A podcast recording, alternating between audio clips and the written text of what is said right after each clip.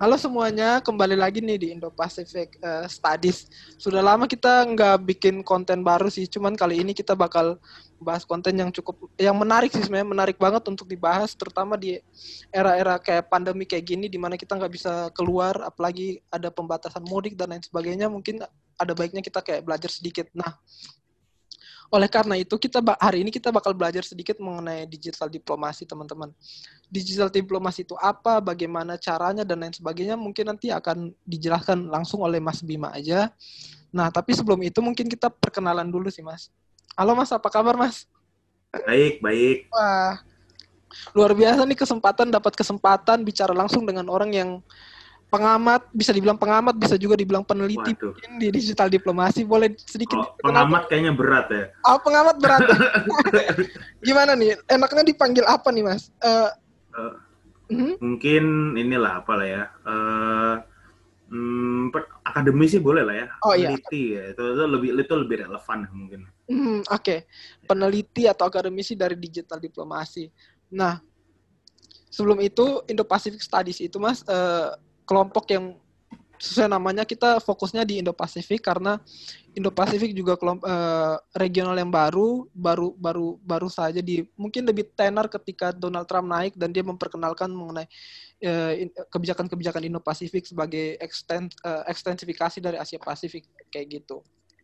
Mungkin kayak gitu sih. Nah, saya sendiri uh, nama saya Denstrial uh, saat ini bekerja di salah satu perusahaan swasta di Jakarta, cuman lagi WFH sehingga balik ke Kupang kayak gitu, Mas. Kita mulai aja kali ya, Mas. Siap, siap. Nah, tema kali ini tuh kita mau bicara soal digital diplomasi, tapi mungkin sebelum itu kita sebelum bahas mengenai penerapannya, hal-hal yang lebih detail, mungkin kita bahas dari sisi ontologisnya dikit kayak apa sih sebenarnya digital diplomasi itu, Mas? Jadi kalau secara uh, enaknya sebenarnya kalau untuk membahas digital diplomasi itu kita bahas dari dua sudut pandang nih, secara praktik sama secara riset. Mm-hmm. Kalau secara praktik uh, kita nggak perlu terlalu jauh ke digital diplomasi sebenarnya kita bedah dari kata diplomasinya aja. Kan kalau diplomasi ya sama-sama tahu kalau anak HI pasti paham ada uh, Wina Convention yang tahun 61 itu di pasal 3 dasar hukum soal diplomatic mission diplomatic mission itu dituliskan di konvensi Wina itu di pasal 3. Jadi diplomasi itu di breakdown sebagai lima jenis kegiatan ada representing, ada protecting, ada reporting, negotiating dan promoting gitu kan kayak gitu. Nah, pada saat kita menambahkan kata digital di depan kata diplomasi artinya ke, lima kegiatan tadi dilakukan dalam ruang cyber melalui teknologi digital as simple as that itu kalau secara praktik. Jadi uh, kalau secara praktik misalkan representing Berarti bagaimana seorang diplomat itu menghadirkan dirinya dalam ruang cyber. Gitu. Mm-hmm. Kalaupun ternyata dia harus menggunakan Twitter, ya itu cuma salah satu tools saja. Misalkan yang kedua, selain representing itu protecting. Kalau protecting itu konteksnya misalkan eh, Indonesia punya data KTP atau Indonesia punya informasi informasi strategis soal negara, itu mm-hmm. informasi itu harus diprotek Nah, iya. terkadang kan sekarang semua informasi itu kan dipublish di ruang digital. Yeah. Nah, jadi lo lokasi server kita di mana itu ketika lo ketika informasi itu bisa bisa diakses oleh negara lain, itu seorang diplomat harus bisa melakukan proteksi terhadap informasi itu. Nah, jadi nggak hanya soal penggunaan sosial media seperti yang tadi saya sebutkan di atas tuh representing, protectingnya juga bisa melindungi informasi atau data yang sifatnya strategis. Terus yang ketiga reporting reporting ini relate sama mungkin kegiatan intelligence atau spionase gitu. Nah kan kalau diplomat itu pada saat dia ditugaskan ke satu negara, dia harus memberikan report kepada user, oh negara ini seperti ini, negara ini seperti ini. Nah permasalahannya, realitas sekarang itu informasi itu sudah sangat mudah sekali diakses dan didapat. Nggak harus kita mata-mata spionase, nguping gitu, kita bisa dapat informasi yang strategis. Di mm-hmm. media sosial itu kan banyak banget tuh informasi itu. Nah, seorang seorang uh, diplomat pada saat dia melakukan digital diplomasi dia harus bisa uh, membuat report yang datanya itu berasal dari data digital. Nah, itu yang ketiga reporting terus negotiating. Negotiating ini mungkin hal yang paling agak kurang relate dengan digital diplomasi karena saya belum nemu contoh nih Mas kalau negotiating itu di ruang digital seperti apa. Paling kalau negosiasi itu kan prinsipnya bring benefit to the table. Jadi hmm. pada saat kita kalau mau nego ya kita harus punya sesuatu yang jadi bergain Nah, bergen yang bisa kita tawarkan dalam digital diplomasi itu adalah dukungan publik. Makanya nanti ada relasi juga tuh dengan public diplomasi. Jadi semakin publik itu support kita dalam suatu isu, itu bisa kita jadikan bergen untuk kita negosiasi. Nah, terus yang terakhir promoting, promotingnya paling gampang. Pada saat sebuah negara, misalkan Kementerian Pariwisata itu melakukan uh, promosi destinasi wisata, nah itu kan juga bagian dari diplomasi. Promosinya menggunakan media sosial, nah itulah bagian dari digital diplomasi. Jadi gitu mas, kalau secara praktik sih kita nge-breakdown dari, dari lima kegiatan itu aja. Hmm menarik banget yang tadi uh, Mas sudah angkat mengenai lima poin ya dari diplomasi dari repre, uh, represent sampai uh, promoting uh, ya promoting satu negara kayak gitu Mas. Cuman yang kemudian menjadi pertanyaan adalah ketika misalnya zaman dulu yang mempunyai akses untuk menjadi diplomat, yang mempunyai akses uh, ya itu tuh cuma diplomat, cuma negara. Sedangkan kalau kita bicara di digital di dunia digital tuh kan semua orang mempunyai akses ke uh, menurut data dari SafeNet mungkin dia kutip dari mana uh, ya data dari SafeNet itu menunjukkan bahwa di Indonesia sendiri misalnya punya sekitar 120-an bahkan 175 juta orang yang menggunakan media sosial gitu yang terkonek yang menggunakan handphone dan terkonek ke dunia digital gitu. Jadi siapa sebenarnya yang bisa mewakilkan Indonesia gitu kalau kita bicara soal digital diplomasi, Mas? Uh, siapa yang bisa mewakilkan Indonesia ya. artinya mungkin bahasa bahasa lainnya aktor siapa sih siapa? aktor ya hmm. siapa sih aktor yang bisa melakukan kegiatan digital, digital diplomasi nah betul. mungkin kalau lebih spesifik pertanyaannya seperti itu ya nah hmm. siapa aktor yang bisa melakukan itu artinya siapa pun yang memiliki akses dalam ruang digital misalkan okay. uh, eh, misalkan saya memiliki akun Twitter akun Instagram saya mempromosikan sesuatu yang berhubungan dengan nasional interest Indonesia. Artinya saya telah melakukan digital diplomasi. Itu. Da hmm. dalam penelitian saya, misalkan saya meneliti soal Cina sama Amerika, hmm. itu rivalitas mereka ada dalam bidang teknologi 5G kalau Mas tahu, yeah. teknologi 5G, ya Huawei segala macam. Hmm. Itu saya menemukan Uni Eropa itu memberikan dukungan terhadap Cina. Yeah dalam bidang 5G. Nah, dan itu diposting dalam media sosialnya Uni, Eropa, Uni Eropa gitu. Nah, jadi siapa pun terlepas dari sekat batas negara itu selama dia memiliki akses terhadap ruang digital dan dia support terhadap isu isu tertentu dia bisa melakukan kegiatan digital diplomasi gitu sih. Hmm. Uh, ya nanti mungkin akan uh, di pertanyaan-pertanyaan selanjutnya mungkin nanti akan lebih membahas lagi kayak bagaimana sekat atau perbedaan gitu. Oke dia represent negara dia nggak represent negara dalam hal digital diplomasi gitu. Tapi kita lanjut dulu nih mas kayak Yep. Apa sih sebenarnya perbedaan digital diplomasi yang sekarang ini dengan metode digital diplomasi sebelumnya? Apakah uh, ya, ya kayak tradisional dan public diplomasi apakah dia cuma penggunaan media sosial yang kemudian diterapkan uh, seperti tradisional diplomasi atau ada perbedaan lain gitu, Mas? Ya, jadi kalau pertanyaannya adalah perbedaan antara tradisional dan digital diplomasi, sebenarnya perbedaan mendasarnya adalah ruang di mana kegiatan diplomasi itu dilakukan. Mm. Jadi kalau tradisional diplomasi sudah pasti ruangnya itu ruang fisik. Mm. Jadi sesuatu yang secara empiris itu kita bisa merasakan kalau orang ikut conference mereka mengutarakan ide, nah itu kan ruang fisik. Kalau dua diplomat bertemu melakukan negosiasi dalam satu ruangan, satu gedung itu kan ruang fisik. Nah, dalam digital diplomasi itu ruangnya bukan ruang fisik tapi ruang cyber. Mm-hmm. Jadi sesuatu yang memang nggak bisa kita sentuh secara fisik, namanya kan ruang cyber. Nah, di dalam ruang cyber itu cara berkoneksi dengan aktor lain itu harus pakai teknologi namanya teknologi digital. Jadi agak dibedakan tuh antara ruang cyber dan teknologi digital. Ruang cyber itu adalah ruang pengganti dunia offline, itu dunia dunia offline. Dan untuk beraktivitas kalau di, di dunia offline kan kita ngomong pakai mulut nah. nah dalam ruang cyber kita ngomong, kita representing, kita negotiating, kita promoting itu pakai teknologi digital namanya. Teknologi digital yang paling umum itu adalah media sosial tapi apakah hanya media sosial? Nah, ada contoh-contohnya kayak yang tadi saya bilang soal 5G tadi itu. Uh, teknologi yang juga masuk ke dalam digital diplomasi itu adalah infrastruktur atau hardware. Hmm. Jadi tadi kalau Mas ingat kata-kata saya di awal, lokasi server sebuah negara itu ditaruh di mana itu menentukan kedaulatannya juga. Misalkan kita orang Indonesia punya data IKTP, tapi IKTP-nya misalkan vendornya dari Singapura, berarti data center kita di Singapura kan. Nah, itu informasi soal, informasi soal negara kita itu bisa diakses tuh di ruang digital, di data center yang tersedia di negara lain. Nah, jadi digital diplomasi bukan hanya soal kita menggunakan Twitter, Instagram untuk mempromosikan kepentingan nasional, tapi juga menjaga data, menjaga informasi supaya tetap terkontrol sama kita gitu. Hmm. Jadi kalau kalau kalau saya kembali ke poin, perbedaannya di mana? Perbedaan di ruang. Ruang diplomasi dilakukan di mana? Kalau diplomasi tradisional ruangnya di ruang offline, diplomasi digital itu perjuangannya di online lah kayak gitu. Hmm.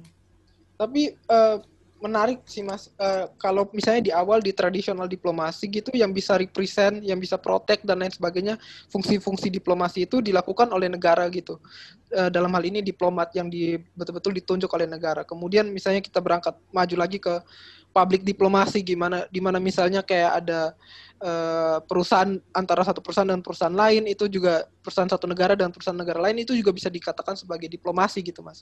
Nah kemudian ketika kita bergerak lagi ke digital diplomasi tadi mas bilang bahwa semua orang yang punya uh, akses kepada internet itu juga bisa dibilang sebagai digital diplomasi. Lalu uh, itu apakah dia tidak akan terjadi bias atau gimana gitu potongan antara ruang privat dan ruang publik? Oh sekarang dia lagi represent negara uh, negaranya dan sekarang dia atau di sisi lain dia lagi represent dirinya sendiri gitu mas? Nah memang tantangan zamannya kalau hmm. sekarang saya lihat seperti itu. Jadi kalau mungkin kita merujuk, kita melihat ke sejarah sedikit dari tahun 45 sampai tahun 91 itu kalau kalau saya nggak salah itu eranya perang dingin itu kan tantangan zamannya, semangat zamannya adalah bagaimana berbagai negara dan manusia di dalamnya itu harus ber, harus terkoneksi dengan either uh, Uni Soviet atau Amerika Serikat. Mm-hmm. Jadi perangnya itu lebih ideologis. Jadi yang terjadi di global itu uh, perang Amerika Serikat dan Uni Soviet perang dingin. Yang di lokal yang kita lihat adalah terjadinya diskusi sangat ideologis mm-hmm. di Indonesia atau di mana pun di Korea, di Vietnam itu semua lebih lebih ter, apa ya lebih ada perang ideologis antara dua ideologi besar tersebut. Nah, hmm. pasca Uni Soviet runtuh berarti kan Amerika bubar. Mas tantangan zaman setelahnya adalah bang kita Cina nih misalkan. Nah, pada saat dua kubu itu bubar artinya pusat permodalan itu tidak hanya terletak pada dua negara tapi tersebar nih. Ditambah lagi ada Cina. Nah, tantangan zamannya di masa itu adalah bagaimana negara-negara itu harus mendapatkan akses modal nih terhadap uh, tatanan baru setelah perang dingin kan kayak gitu. Itu tantangan zamannya mungkin di tahun 2000-an lah ya kalau saya lihat. Nah terus kalau sekarang seperti apa?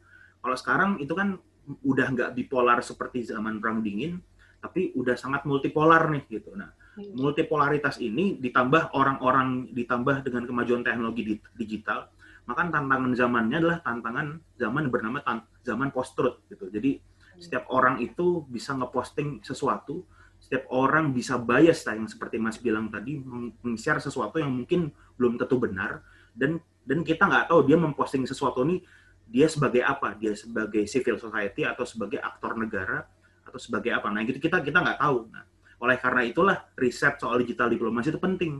Mhm. karena kita bisa kita bisa mencari tahu sebenarnya dalam dunia maya itu kepentingan nasional siapa sih yang paling diperbincangkan?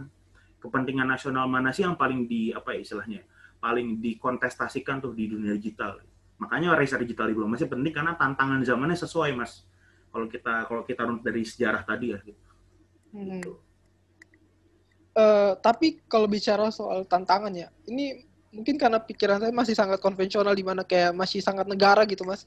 Itu sovereignitasnya tuh di bagian mana ya, Mas? Kayak kalau diplomat nih jelas diplomat yang uh, yang tradisional dan pabrik gitu kayak jelas gitu.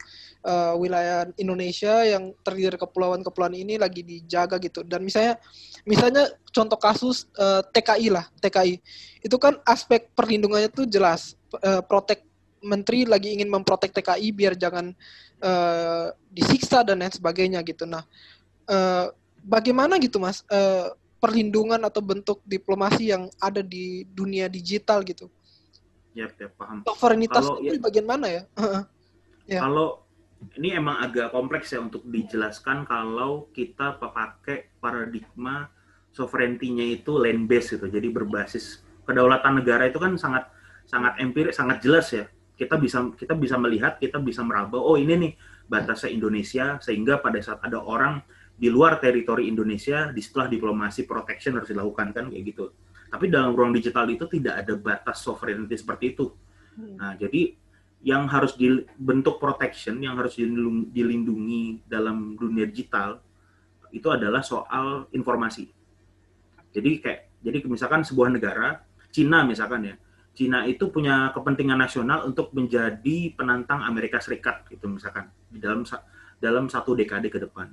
Nah, tapi gara-gara virus corona COVID-19 itu muncul dari Amerika, muncul isu-isu bahwa terkhusus dari Donald Trump ya waktu itu Cina itu uh, COVID itu adalah China virus kan kayak gitu. Nah, jadi ada sebuah informasi yang menurut Cina itu merugikan citra mereka di dunia digital gitu. Yang itu bisa mengganggu kepentingan nasional mereka sebagai negara penantang Amerika, Amerika Serikat dalam satu dekade ke depan kan kayak gitu.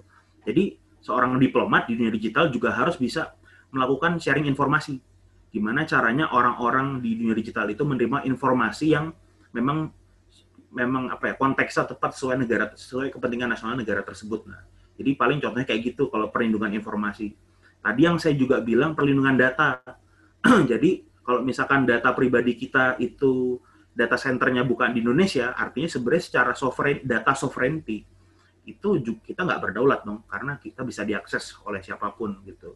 Jadi cara berpikirnya paradigmanya harus agak ditransform dulu dari dari on, dari offline ke online nih gitu. Di dunia online itu yang diproteksi itu informasi dan data. Informasi dan data siapa? Data dari penduduk, data dari negara, informasi tentang negara. Perbedaannya di situ aja sih mas paling. Uh, iya, menjadi menarik. Uh, ketika bicara soal sovereignty memang bukan cuma bicara mengenai land land base tapi kita juga misalnya kita bicara soal power. Siapa yang punya power di uh, digital diplomasi ini? Berbeda dengan uh, di dunia nyata ketika negara tuh bisa memerintahkan perusahaan. Tapi misalnya kita bisa melihat contoh di Donald Trump ketika akunnya tuh di-cut oleh Twitter, di-cut oleh Facebook, di-cut oleh Instagram. Banyak sekali uh, sosial-sosial media yang uh, blok gitu untuk sementara waktu akunnya Donald Trump ketika dia masih menjadi uh, presiden uh, Amerika Serikat sebelum uh, ya. Nah, gitu kan kita bisa melihat bahwa ternyata yang punya kedaulatan tuh bukan negara gitu, malah aplikasi gitu, Mas. Nah, jadi sebenarnya siapa sih sebenarnya aktor utama dari digital diplomasi? Kalau di uh, traditional diplomasi kan udah jelas aktor utamanya adalah negara. Kalau di digital diplomasi aktornya siapa gitu, Mas, yang punya power? Kalau saya rumusin statement Mas tadi kan artinya uh, aktor digital diplomasi itu siapa kan gitu hmm. ya. Nah, kalau siapa kalau pertanyaannya adalah siapa sih aktor digital diplomasi artinya saya harus merumuskan bagaimana cara menentukan aktor gitu ya kira-kira ya. Kalau saya kalau saya interpretasikan ya. Mungkin aktor dalam aktor utamanya. Ya gitu. betul. Paham paham nah. Sedangkan kalau dalam digital diplomasi kayak yang saya pelajari sejauh ini falsafahnya itu saya kalau saya pribadi berangkat dari seorang filsuf Prancis Bruno Bruno Latour namanya. Bruno Latour itu punya satu konsep, punya satu teori namanya aktor network teori. Jadi apa yang terjadi di dunia ini adalah satu rangkaian kejadian yang dilakukan oleh banyak aktor mhm. sehingga satu order, satu tatanan, satu anggaplah diplomasi itu adalah satu kegiatan ya. Satu kegiatan itu aktornya siapa tidak ditentukan oleh seorang peneliti saya kan peneliti, berarti saya tidak bisa menentukan aktornya siapa, negara kah, korporasi kah? Itu nggak bisa dalam dalam falsafah yang saya yang saya pegang gitu. Nah, Bruno Latour bilang di situ bahwa social order atau satu tatanan itu ditentukan oleh aktor itu sendiri. Artinya yang berbicara pada saat saya saya mencari satu, satu isu nih di dalam digital diplomasi siapa aja aktornya itu harus emang data data yang berbicara pada saat dalam satu isu 5G misalkan ya atau coronavirus ternyata oke okay, sorry saya pakai kasus yang Mas tadi bilang aja ya Donald Trump tiba-tiba di cut itu di ban Twitternya. Ternyata aktor yang muncul Twitter. Ya berarti aktornya itu si korporasi bukan negara. Tapi di, di case lain misalkan dalam misalkan case Papua. Case Papua itu kan ada banyak aktivis Papua yang kemerdekaan Papua gitu. Tapi aktor aktor yang dominan itu justru bukan aktivis itu tapi negara misalkan. Berarti aktor dominan dalam isu itu negara. Jadi saya pakai falsafah itu nih. Mungkin penelitian bisa berbicara hal yang berbeda, cuman saya percaya bahwa satu social order atau satu fenomena itu tidak digambarkan oleh seorang peneliti. Tapi biarkan aktor-aktor itu yang memunculkan dirinya sendiri. Gitu. Nah, jadi kalau pertanyaan Mas siapa aktornya dalam uh, digital diplomasi, setiap setiap isu itu akan memiliki aktor-aktor yang berbeda. Kalau saya lihat kayak gitu. Hmm, ya, ya menarik. Jadi uh, yang uh, apalagi misalnya kasus di Papua ketika ada namanya internet throttling kalau tidak salah ketika yeah, yeah. terjadi pelambatan berarti negara yang uh, bermain di situ. Uh, kemudian uh, ini kita lanjut aja nih. Ada satu pertanyaan kayak gini, Mas. Apakah dengan adanya digital diplomasi membuat bentuk-bentuk diplomasi lain itu menjadi irrelevan atau justru dia menguatkan gitu, Mas? Diplomasi, bentuk-bentuk diplomasi yang lain. Ya, itu kan sama kayak kita punya Instagram, kita punya Twitter. Uh, pada saat kita punya Instagram dan kita punya Twitter, itu kan yang pakai kita. Yang kita posting itu adalah, misalkan di Instagram ya saya posting foto foto yang saya posting itu adalah foto yang foto hasil dari kegiatan offline saya hmm. atau dalam diplomasi berarti tradisional diplomasi kan seperti itu misalkan seorang diplomat posting Twitter posting aktivitas dia di kedutaan itu kan berasal dari kegiatan offline. Jadi digital diplomasi ini adalah bukan pengganti bukan juga pelemah si tradisional diplomasi tapi sifatnya support. Dia mensupport kegiatan offline dan menyebarkan informasi itu secara masif ke dalam ruang digital. Kurang lebih seperti itu. Jadi lebih supporting. Jadi bukan apa ya bukan kompetitor sih kalau menurut saya Oke, bukan kompetitor. Tadi kita sudah bicara mengenai ranah-ranah sosial media, tapi kemudian Mas juga mengangkat soal kayak infrastruktur, infrastruktur, uh, ya infrastruktur teknologi, misalnya 5G. Terus sebenarnya saya juga concern ke rivalitas Amerika Serikat dan Cina karena skripsi saya juga bicara soal itu. Juga saya juga beberapa kali menulis menulis soal itu kan. Nah, kayak ada satu isu yang yang Amerika uh, sering ungkit itu bicara mengenai bagaimana Cina tuh memanen informasi dari Amerika Serikat gitu, Mas. Nah, berarti apakah uh, ketika suatu misalnya negara warga negara Amerika Serikat menggunakan satu aplikasi yang berasal dari Cina, apakah berarti sovereinitasnya rakyatnya tuh sudah dirampas oleh negara tertentu atau bagaimana, Mas? Kayak ya kayak gitulah. Kalau misalnya kalau ya, lanjut lanjut ya mas, gimana pertanyaannya? Misalnya saya mendaftar Twitter, sedangkan Twitter itu punyanya Amerika Serikat. Apakah berarti saya tuh men menjadi Amerika tuh menjadi sovereign atas saya gitu atau bagaimana gitu mas? Wah ini menarik ini. Jadi eh, parameter sesuatu itu sovereign tuh apa sih sebenarnya kalau misalkan pakai paradigma eh, yang tadi saya sebut ya mungkin land sovereignty, jadi kedaulatan itu fisik gitu. Itu kan gampang ya. Misalkan ada ada penguasaan atas tanah di di daerah mana oleh satu negara, yaitu kita nggak sovereign. Itu kan gampang nih. Nah, kalau dalam dunia digital tuh sovereignnya apa? Kalau saya, ini pendapat saya pribadi ya mas ya, kalau pendapat saya pribadi, sovereign dalam dunia, dunia digital adalah kedaulatan data.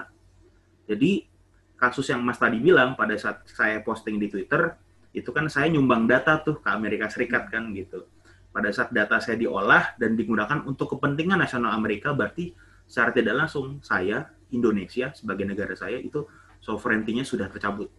Hmm. Itu menurut saya.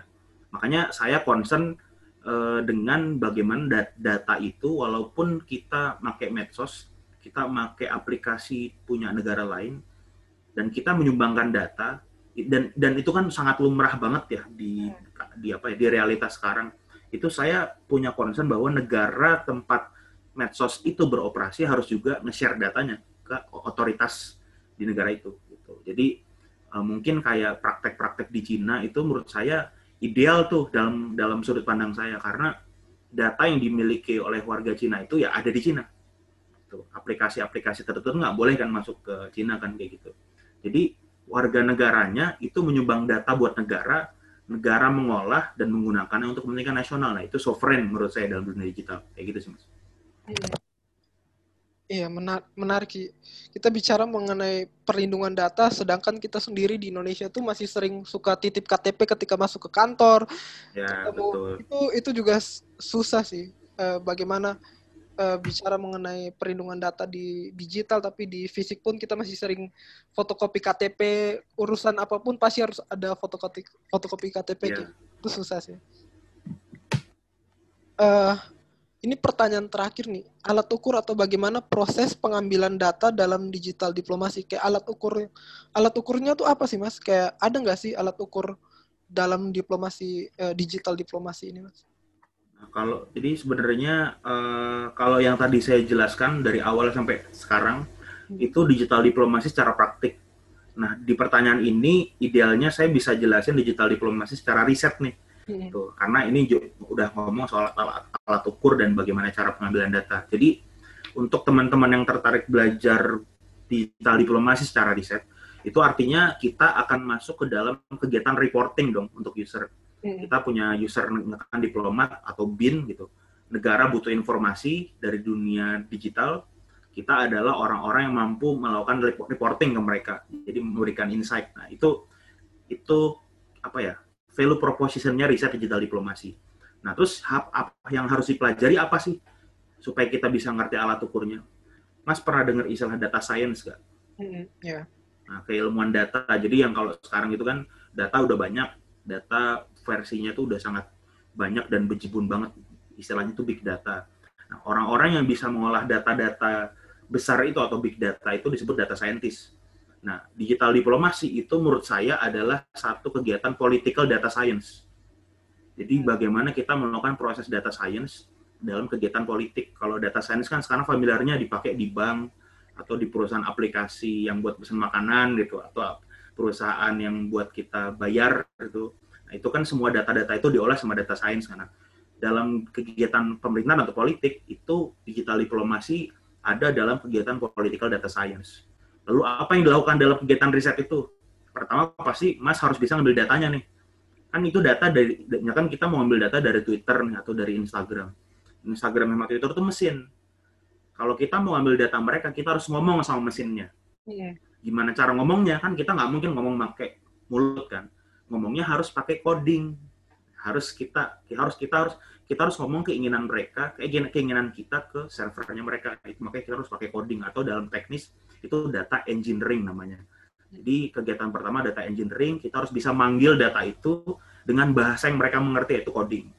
Lalu setelah datanya terambil, diapain nih datanya kan harus dihitung kan nah cara menghitungnya itu adalah dengan kita punya variabel punya indikator jadi misalkan kalau saya kasih pertanyaan nih mas apa sih ukuran perdamaian gitu? Apa sih bagaimana sih sebuah perdamaian itu bisa diukur? Nah kan perdamaian itu variabelnya ada a b c gitu. Nah variabel a b c ini kita tentukan nih ada nggak nih dalam data-data yang sudah kita ambil? Lalu terakhir yang paling terakhir itu adalah data visualization. Jadi yang kalau saya ulang pengambilan data-data engineering terus proses ngambil apa mengolah data pakai variabel indikator itu pakai statistik lalu kita memvisualisasikan data yang sudah kita ambil. Lalu kita presentasikan melalui data storytelling. Jadi proses seperti itu. Ujung ke ujungnya dan itu butuh skill khusus. Jadi harus dipelajari itu proses data science itu. Iya iya. Menarik itu. Itu sebenarnya bisa jadi pembahasan sendiri dan kelas panjang sih mas bicara mengenai data. Yep, yep dan lain sebagainya. Ini kita langsung aja nih ke Q&A karena kita juga kelihatan nggak punya waktu banyak lagi. Ada satu pertanyaan dari Immanuel Halundaka. Dia bertanya mengenai sekarang kan eh, bahkan negara-negara pemimpin-pemimpin negara itu juga menggunakan Zoom atau lain sebagainya untuk eh, pertam melakukan pertemuan gitu. Itu ada nggak sih dampaknya ke digital diplomasi atau itu mungkin jadi bentuk digital diplomasi juga, Mas? Itu bentuk digital diplomasi karena Zoom itu kan teknologi digital dilakukan untuk melakukan negotiating misalkan. Jadi itu bentuk digital diplomasi itu very clear. Oke. Okay. Kalau uh, berikutnya ini ada pertanyaan dari Maria Okta. Uh, jika melihat diplomasi digital sebagai penggunaan internet dan media sosial sebagai alat diplomasi, dengan berkembangnya diplomasi digital pasti diperlukan sarana dan lain sebagainya. Bagaimana digital diplomasi ini berdampak terhadap distribusi ek ekonomi dan societal power? Baik di Indonesia maupun internasional. Pertanyaannya adalah gimana dampaknya digital uh, ya digital uh, diplomasi kepada distribusi ekonomi dan uh, societal public uh, power gitu, kekuasaan rakyat gitu. Yang jelas digital diplomasi itu sangat erat kaitannya dengan public diplomasi hmm Kalau saya disuruh jawab soal hubungannya dengan ekonomi atau mm. ekonomi lah ya itu saya saya saya mohon maaf saya kayaknya nggak nggak belum bisa melihat insight di situ. Cuman kalau societal power otomatis setiap orang dengan teknologi digital itu bisa menjadi diplomat, itu bisa memperjuangkan national interest. Jadi hmm poinnya di situ sih dampaknya. Oke, ini pertanyaan bahkan ini dari Gali sih. Ini pertanyaan hampir mirip sama pertanyaan mengenai aktor nih. Uh, dia dia bertanya gini, semakin lama segala hal akan mungkin bertransformasi pada digital ketika sosial media jadi, juga jadi platform berpolitik. Nah, bagaimana narasumber membedakan batasan antara politik kenegaraan dan politik pribadi atau politik elit individu? Ketika seorang aktor yang memiliki jabatan misalnya mentweet sesuatu, apakah dia jadi representasi pemerintah atau dia sebagai masyarakat biasa? Ya, jadi otomatis kalau seorang presiden atau seorang menteri itu melakukan tweeting atau posting sosial media itu sudah dia sudah dianggap mewakili negara gitu. Makanya postingan soal Pak Jokowi datang ke pernikahan salah satu selebgram itu mm-hmm. itu itu artis itu kan sangat viral dan sangat diprotes kan. Karena dalam dunia digital jabatan itu melekat. Jadi mau mau mau siapa pun orangnya selama dia punya jabatan di kenegaraan dalam dunia digital dia akan dipandang sama gitu. Hmm. Jadi menurut saya tuh sudah tidak ada batas sih antara saya sebagai individu atau saya sebagai pejabat misalkan pada saat saya di dalam ruang digital. Makanya saya harus punya kehati-hatian tuh di situ. Makanya biasanya kalau kita lihat kan ada tuh uh, kalau misalkan di Twitter diplomat atau pejabat itu uh, tweets or are on my own kalau nggak salah kayak gitu kan my own views gitu. Jadi intinya tweet itu yang saya sampaikan itu tidak mewakili institusi. Itu biasa cara untuk ngefilter. Uh, kalau di dunia nyata kita punya ruang publik dan ruang privat. Ketika kita masuk di ruang privat, misalnya di kamar kita, kita bebas melakukan apa saja. Selagi itu masih di kamar kita, karena itu masih privat. Sedangkan ketika kita misalnya ke rumah sakit, ke sekolah, atau bahkan kita ke halte, misalnya halte bus gitu, itu udah masuk ruang publik gitu. Jadi batasannya jelas. Nah, apakah di digital itu semuanya jadi ruang publik atau bagaimana, Mas? Digital itu sebenarnya menurut saya sudah ruang publik. Hmm. Hmm, media sosial yang memiliki ruang privat saya belum tahu ya mungkin kalau pendengar bisa mengkoreksi cuman menurut saya media sosial itu diciptakan sebagai ruang publik hmm. ruang privat itu ya pada saat kita bisa pada saat kita memiliki otoritas terhadap diri kita sendiri kan dan tidak terganggu oleh orang lain sedangkan di dalam media sosial apa yang kita lakukan itu bisa mendapatkan feedback, feedback dari orang lain, entah komen, entah likes, entah retweet. Nah itu kan berarti sudah tidak ada lagi tuh ruang privat. Tapi orang-orang di Indonesia terkhususnya itu sering menjadikan media sosial itu sebagai ruang privat. Contoh ada opini yang dia tidak sesuai dengan, misalkan ada satu opini, saya nggak sesuai nih sama opini itu. Hmm. Saya hajar habis-habisan itu opini, seolah-olah ruang digital adalah ruang milik saya sendiri. Kebenaran tuh milik saya. Nah itu kan yang nggak boleh kan sebenarnya. Jadi dalam dunia digital secara luas menurut saya itu itu sudah ruang publik. Oke. Okay. Masa orang manusia nggak punya kebijaksanaan biasanya dalam menggunakan ruang publik itu. Oke, okay. itu jadi mungkin juga bisa menjadi highlight dari semua yang kita bahas uh, pada eh, kesempatan kali ini yaitu media sosial itu udah pasti jadi ranah publik. Jadi tidak ada ruang privat di situ. Ketika kita berani hmm. mendaftar ke media sosial namanya saja sudah sosial berarti itu sudah masuk yep. ke ranah publik. Jadi tidak ada batasan lagi dan semua yang kita uh, tweet atau kita uh, upload ke sana berarti itu sudah jadi makanan sosial kayak gitu. Mungkin untuk kesimpulannya tidak ada teman-teman bisa simpulkan sendiri gimana dari definisi diplomasi bahkan penerapan diplomasi yang ada lima jenis tadi represent, protect, report, negotiate dan promoting kemudian diterapkan di eh, ruang-ruang uh, digital itu teman-teman sudah tahu bagaimana tantangan di perang dingin, bagaimana tantangan pasca perang dingin dan bahkan ketika sekarang zaman kontemporer ketika aktor-aktor mulai banyak sekali sangat-sangat banyak. Nah, itu juga teman-teman bisa jadi highlight teman-teman sendiri. Terima kasih banyak Mas Bima sudah yep, sama -sama. mau main-main ke Indo-Pacific Studies. Sukses selalu Mas. Yes, yes Terima kasih glad banyak. to be here lah. Thank you. Okay. banyak. Terima kasih, Mas.